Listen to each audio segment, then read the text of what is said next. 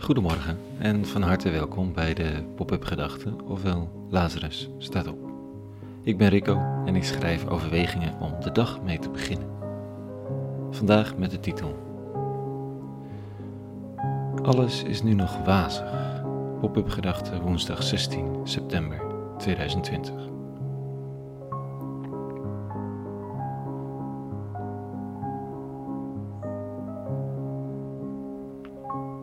Het zou soms zo fijn zijn als je door het koffiedik van het leven heen kunt kijken.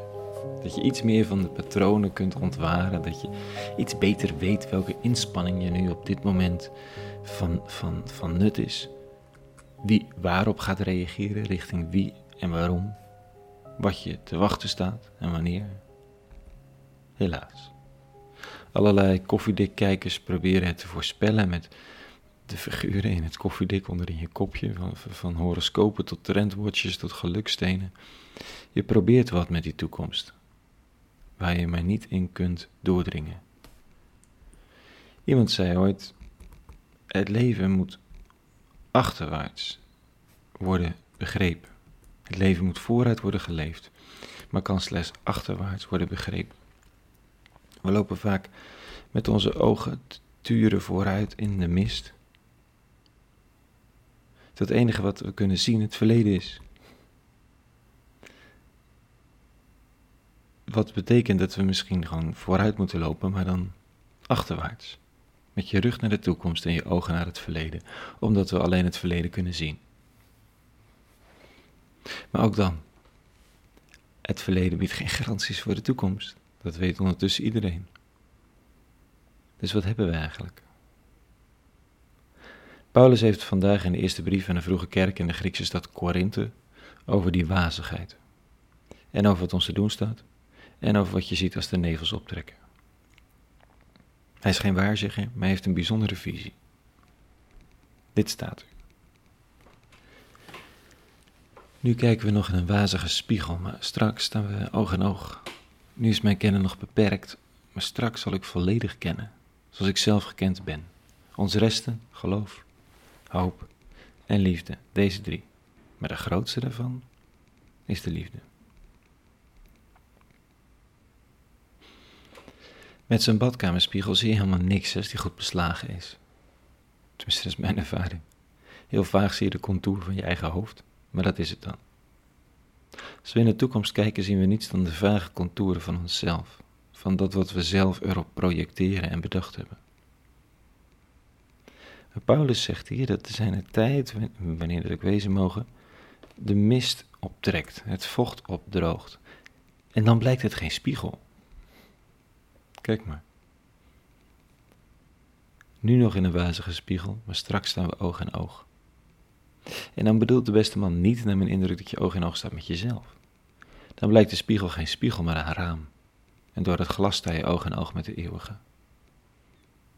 Die er altijd al was in de toekomst, vanuit de toekomst, die je altijd heeft gezien, zegt hij. En uiteindelijk zul je zien wat altijd al waar is, dat je gezien bent en geliefd. Elke stap van de weg.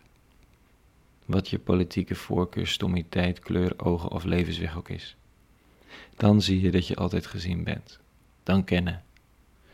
Zoals je zelf gekend bent. Nou, dat is fijn beeld, Paulus. Ik poets die spiegel op om meer zicht en perspectief. En het enige, want het enige wat ik tot nog toe zie is projectie van mezelf. Maar als dan de mist optrekt, sta ik oog in oog met de eeuwige. Die me groet en zegt, hé, hey, nu zie je mij ook, vriend. Welkom. Dat hoeft overigens geen gemakkelijke ontmoeting te zijn, maar het geeft je zicht op dat wat er in het leven al die tijd al aan de hand was. In de toekomst, welke het ook is, daar is de eeuwige altijd al aanwezig. Vandaar de naam eeuwige. En dan geloof, hoop en liefde, wat betekent dat? Die resten ons zolang de boel beslagen is. We hebben geen idee, de toekomst zoals we die denken is een projectie van onszelf. Wat rest ons dan te doen? Geloven. Geloof in geliefd zijn, in waarden en ethiek in het goede en dat de toekomst is daarvoor. Hoop die ons dat doet volhouden tegen alle klippen op. en liefde als praktische handleiding voor elke dag. En dan ooit zul je kennen zoals je gekend bent, nu geloven, hopen en liefhebben. Als dan de mist optrekt, blijkt de zon te schijnen, zoals je altijd al had gehoopt en geloofd. En besef je dat je geliefd bent, zoals je anderen ook geliefd hebt. Tot zover vanochtend. Een hele goede woensdag gewenst. Veel geloof, hoop, liefde en natuurlijk vooral en bovenal vrede en alle goeds.